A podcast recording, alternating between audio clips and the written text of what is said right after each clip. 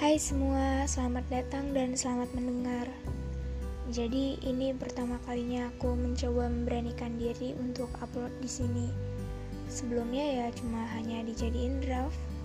Cuman kalau dipikir-pikir lagi, kenapa harus dijadiin draft doang? Kenapa nggak diupload?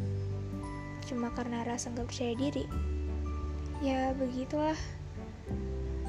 Kalau dipikir-pikir lagi, kenapa harus nggak percaya diri? Padahal berkarya itu kebebasan. Setiap orang punya caranya tersendiri untuk menjadikan sebuah karya. Ya, semoga kalian suka sama podcastku nanti. Terima kasih.